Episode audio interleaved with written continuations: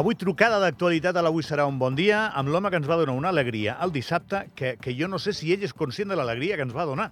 Joan Verdú, bon dia. Hola, bon dia, Gavi. Com va la vida?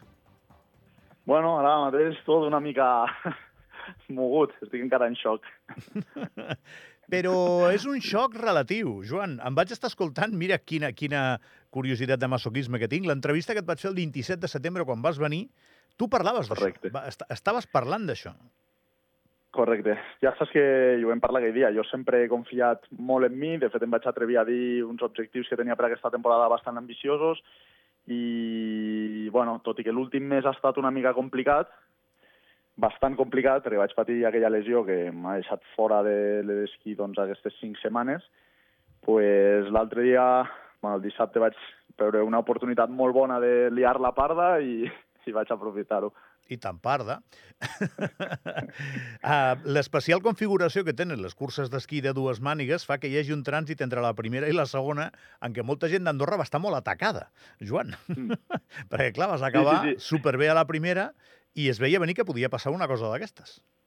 clar, el fer cinquè a la primera mànega, eh, perquè hi ha mil situacions de carrera, a vegades es fan podis, però perquè la segona mànega doncs, es trenca la pista o es fa o hi ha algunes mm, condicions de meteo que afavoreixen més a uns o als altres, llavors pots fer bones remuntades, però el fet d'anar cinquè a la primera mànega, doncs aquí ja no hi havia eh, massa plan per mi, només tenia una cosa en ment i és que en la posició en la que estava no, no podia no anar a muerte i així vaig encarar la segona manera sense, sense cap mena de, de dubtes, a jugar-m'ho tot, era tot o res.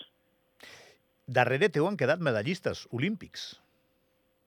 Sí, sí, estava rodejat de, de megacracs. De fet, estava a la sortida de la segona manera, quedàvem els 5-7 primers, i si miraves del costat, tots eren o medallistes, o campions, o guanyadors de Copes del Món, tots eren estrelles, i jo per allà, dissimulant, dic, uf, ara prepareu-vos perquè vinc fort. hi, Sí, ha, hi, va, ser, va ser una situació curiosa. hi ha dies a la vida que, que són especials. Uh, canvia alguna cosa aquest dissabte per tu o, o és tot igual?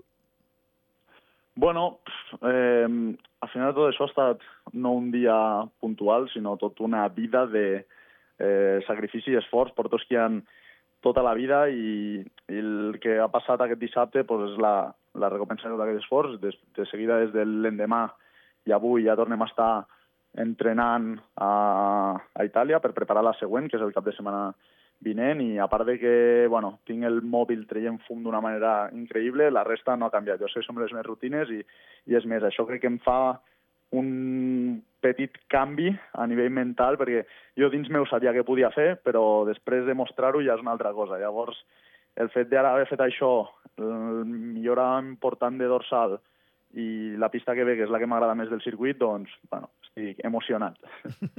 doncs per totes. Veient aquella entrevista que et vaig fer el, el dia 27 de setembre, eh, et vaig dir, i ho continuo pensant, Joan, que hi ha gent que ve per canviar les coses.